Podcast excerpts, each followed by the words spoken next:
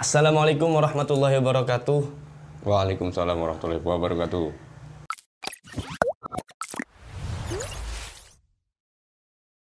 Senang rasanya bisa kembali hadir di hadapan Anda semua. Kali ini Pesantren Tren sudah kedatangan tamu di sini.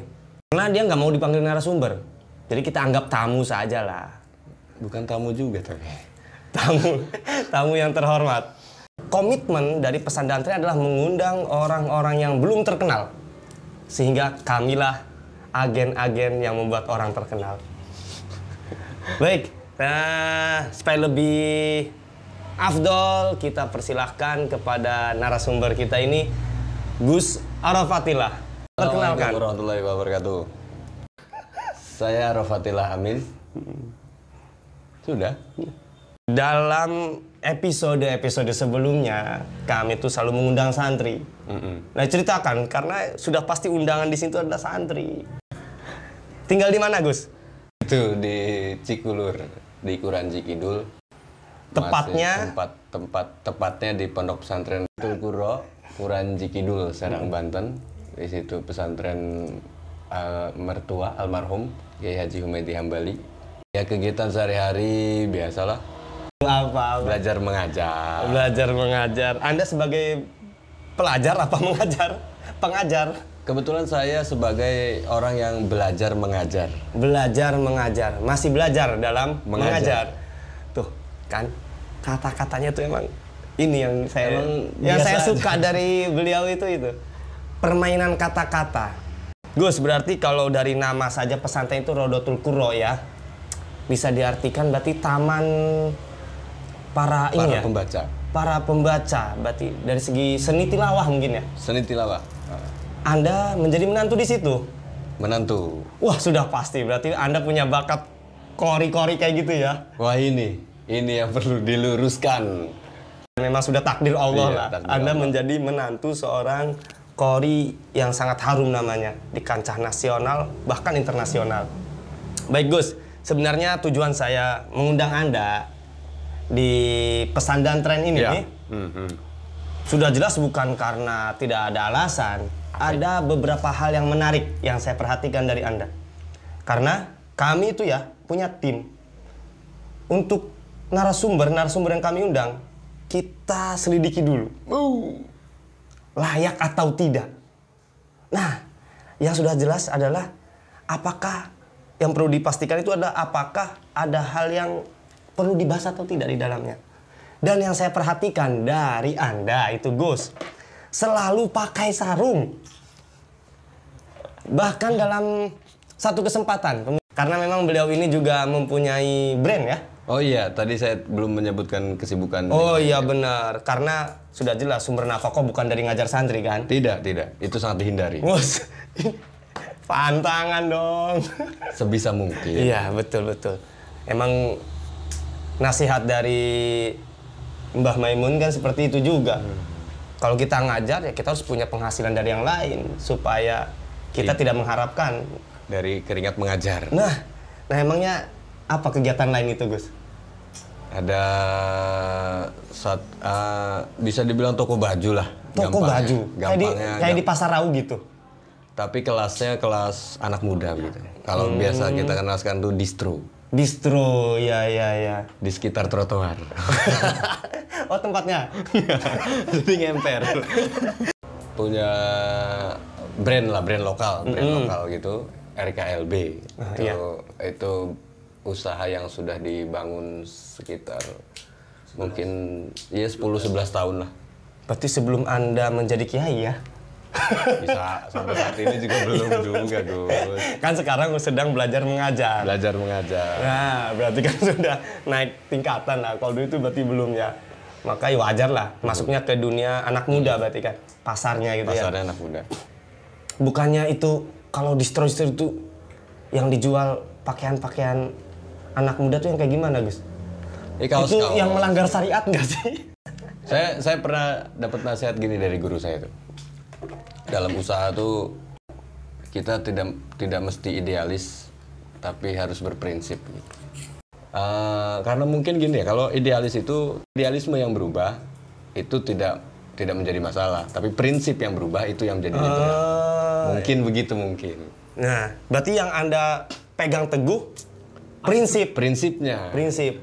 kan idealnya seorang santri itu jualnya baju koko. Iya, betul. Itu idealnya. Heeh. sarung Sarung, Ya, yang Islami yang Islami, Islami, yang bau ikan, bau ikan. agamis, Ah, agak amis gitu kan. lucu banget. Ya kan? Nggak nyangka ya, muka kayak gini kan. Ternyata humoris juga. Tapi ada- kalau mending humoris daripada tumoris. Waduh, itu nggak lucu. Nggak lucu. Berarti bisa dihapus. Nggak lucu karena tumoris. Jadi maksudnya yang yang saya tangkap kan kok apakah nanti ketika menjual baju distro kan berarti pasarnya tuh ada ada orang-orang yang misalnya syaribul khomri misalnya Oh, Allah. Iya atau benar. segala Ah, ah, ya ah. kan. Kok Kalangan ada- anak muda. Kalangannya karena yang kita ambil adalah anak muda mesti berhubungan dengan begitu kan. Yang penting yang kita jualnya tidak melanggar syariat. Ya, itu prinsipnya tuh. Baik Gus, itu prinsip yang Anda pegang selama ini. Ya. Tapi kan dari dari yang Anda tadi katakan ya, sudah merintis usaha ini sekitar 11 tahun yang lalu. Itu berarti sebelum Anda menikah kan? Iya. Sebelum Masih Anda kuliah menikah. malah. Dan itu sebelum Anda terjun belajar mengajar di pesantren Radatul Qura. Iya, betul. iyalah kan belum jadi mantu Nah, berarti ketika ada perpindahan status Mm-mm, Transisi. trans masa transisi dari seorang waktu itu mahasiswa ya masih mahasiswa Mahasiswa. dari seorang mahasiswa menjadi guru dari seorang dari santri Mm-mm.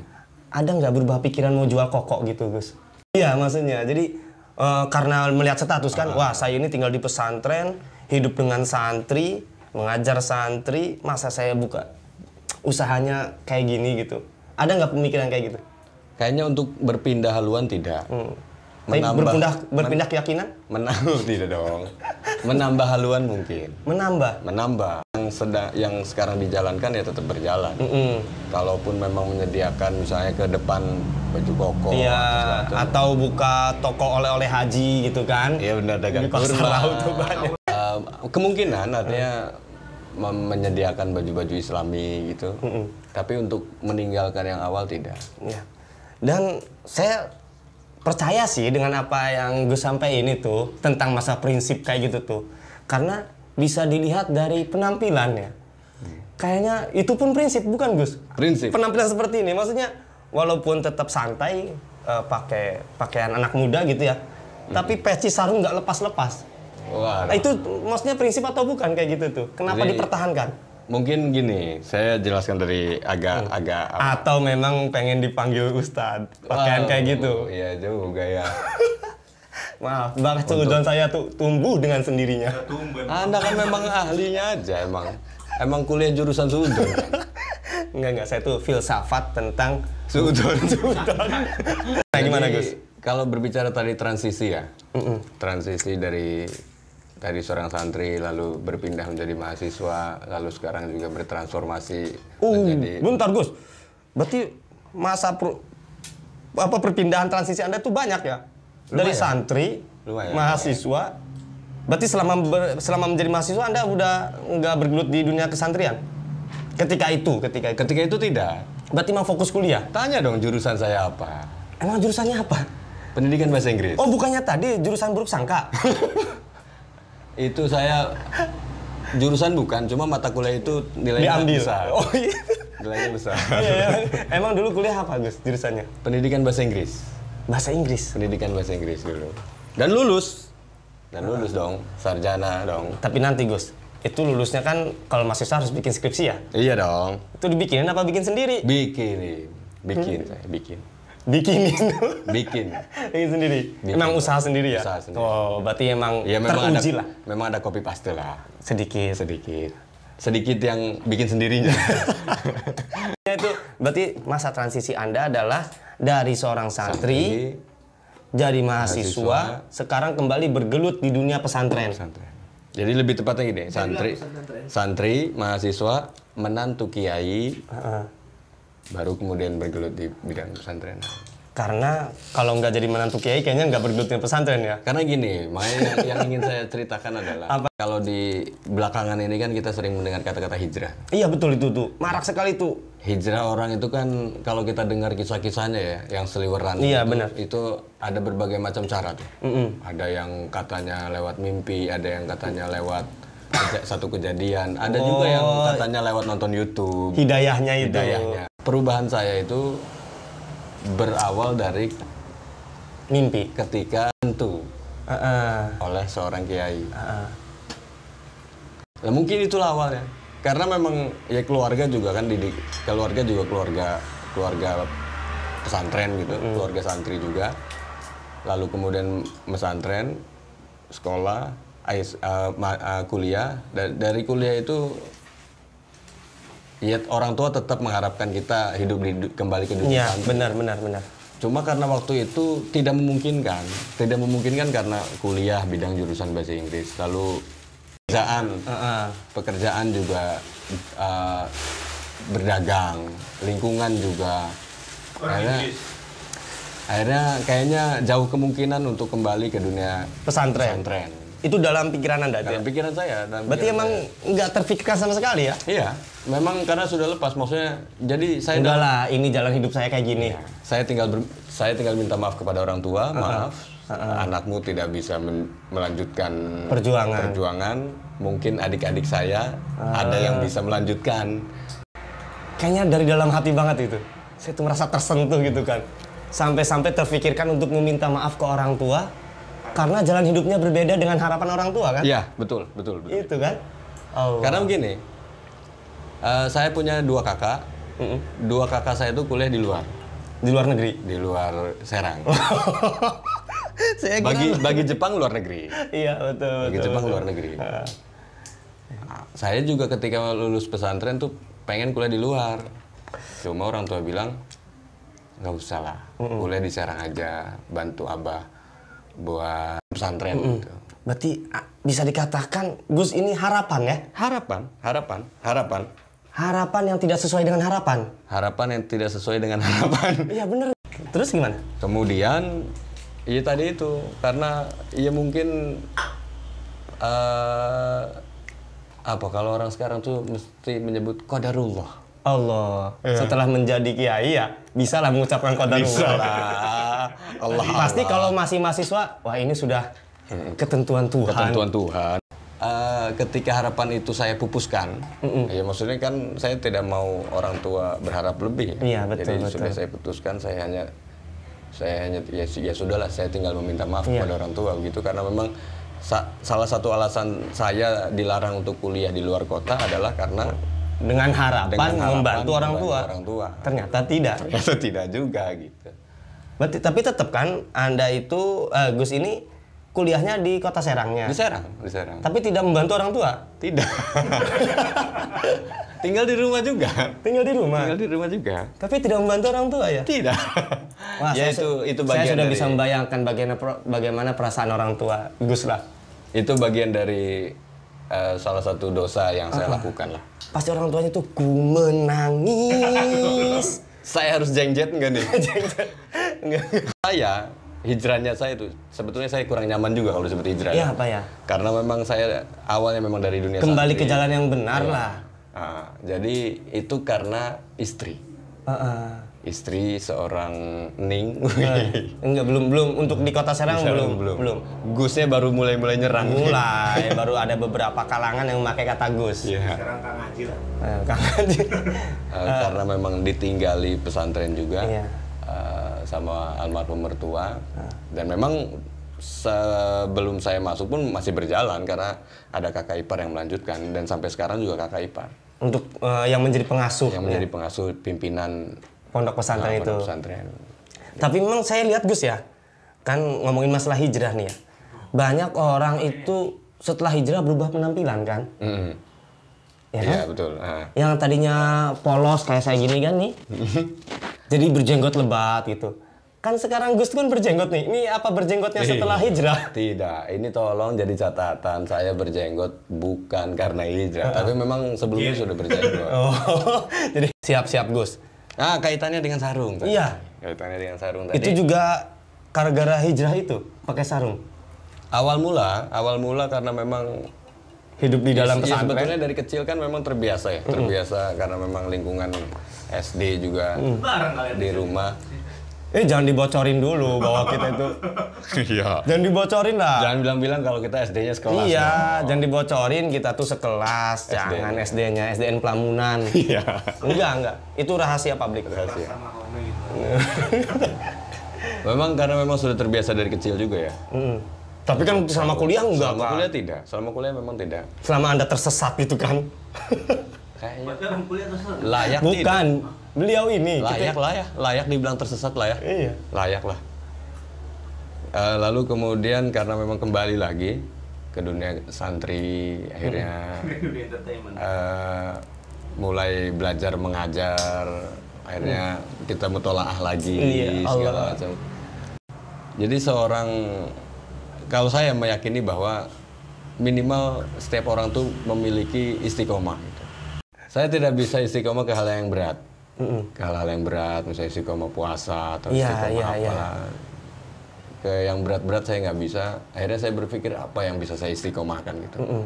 Yang bisa saya istiqomahkan Ya karena memang kita sering dengar kisah gitu maksudnya ada seorang alim ulama yang istiqomah dalam hal tempat, Betul. ada alim ulama yang istiqomah dalam hal pakaian. Iya, betul betul. Saya pikir saya bisa lah kayaknya kalau untuk yang receh-receh begitu. Hmm. Kalau kita nggak bisa istiqomah dalam hal-hal yang berat ya kita ambil istiqomah Ya, dalam hal yang kecil, ringan yang dulu. ringan saja, yang ringan dan tidak kita tidak terbebani, kita tidak merasa terpaksa, kita tidak harus berlatih yang penting. Iya. Karena Tapi bukannya keistiqomahan yang Anda pilih ini ya dalam pakaian ya. Itu bukannya membebani istri enggak, Gus? Mungkin jalan-jalan keluar gitu kan. awal-awal ya. Masuk ke Mall of Serang gitu. Uh. Saya pernah dinasehati oleh seorang eh, oleh seorang teman. Heeh. Namanya Laikumsun. Oh, yang ngasih nasihat Anda Iya. itu Laikumsun. Laikumsun. Itu nama apa nama asli, Gus? Nama Instagram. Oh, nama Instagramnya. Kok orang hebat banget bisa nasihati kiai gitu. Iya. Gimana gimana? Salah satu cara untuk menghilangkan apa sih Rasa-rasa ini ini keraguan-raguan terus memikirkan pendapat orang. Salah satu caranya adalah dengan kita terus melakukan, dengan membiasakan. membiasakan untuk melakukan gitu. Karena hal apa pun, hal yang berbau ibadah pun, hal yang berbau apa pun itu, ketika kita terbiasa melakukannya, orang pun akan terbiasa melihat. Heeh.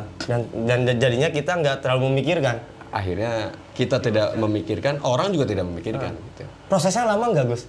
PD dengan penampilan seperti ini. Enggak, enggak lama sih, enggak lama. Karena untuk memang- merasa PD-nya, maksudnya untuk merasa PD dengan penampilan seperti itu.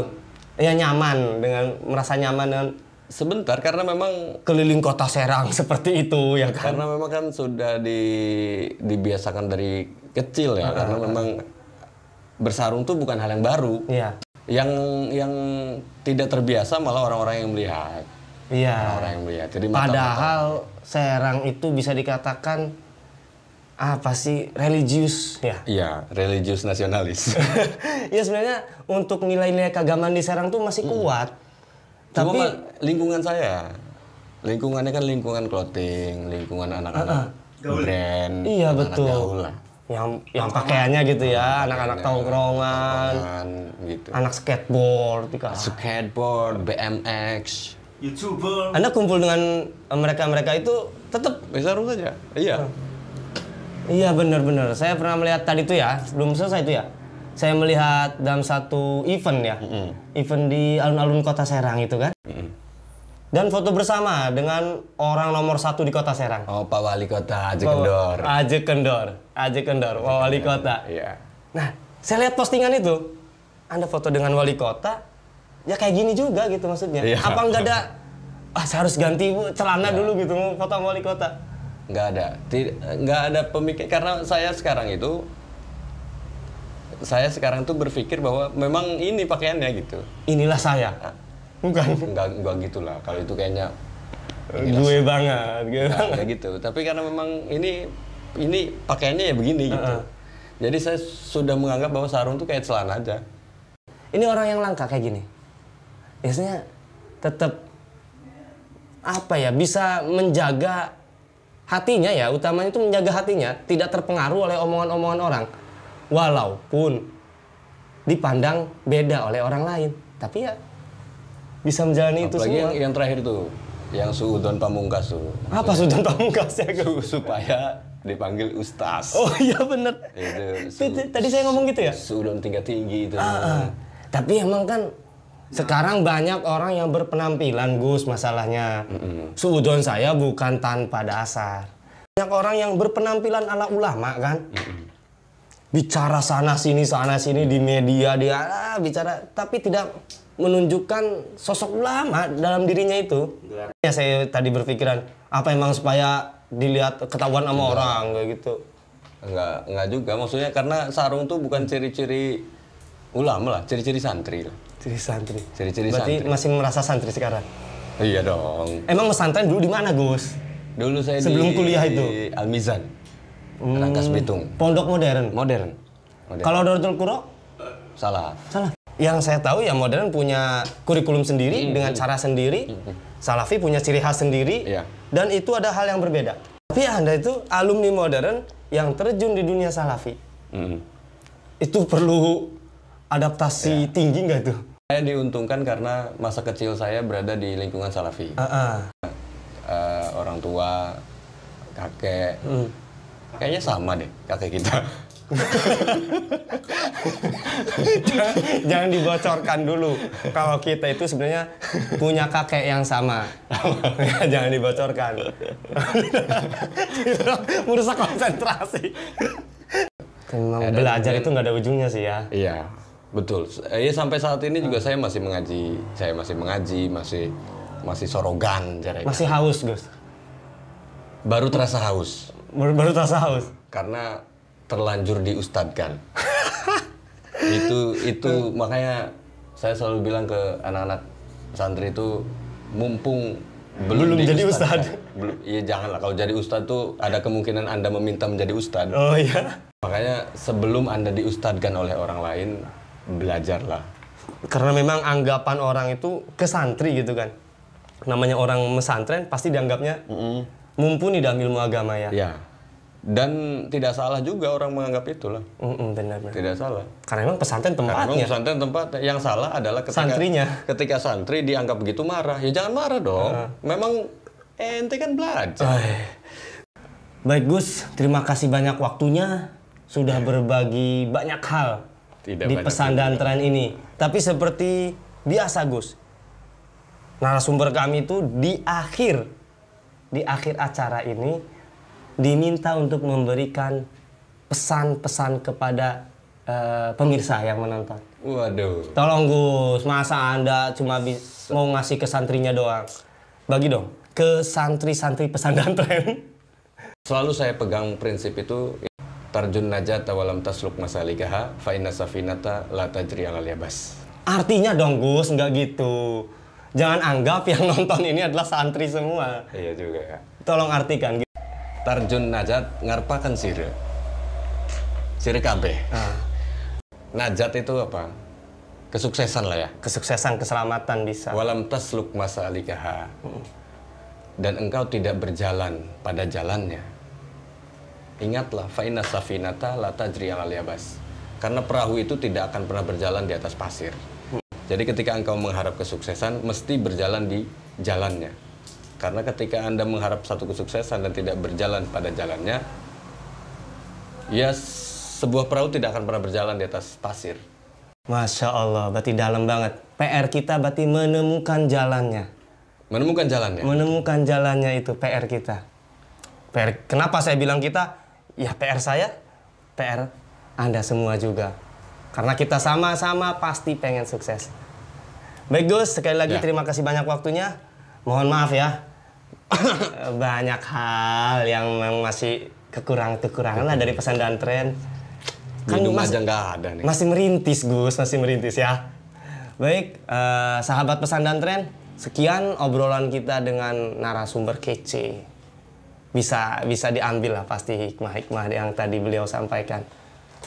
Tapi jangan ditiru seutuhnya karena banyak hal-hal juga yang nggak harus ditiru.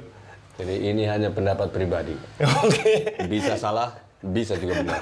Makasih Gus untuk closingnya. Sekian, Assalamualaikum warahmatullahi wabarakatuh.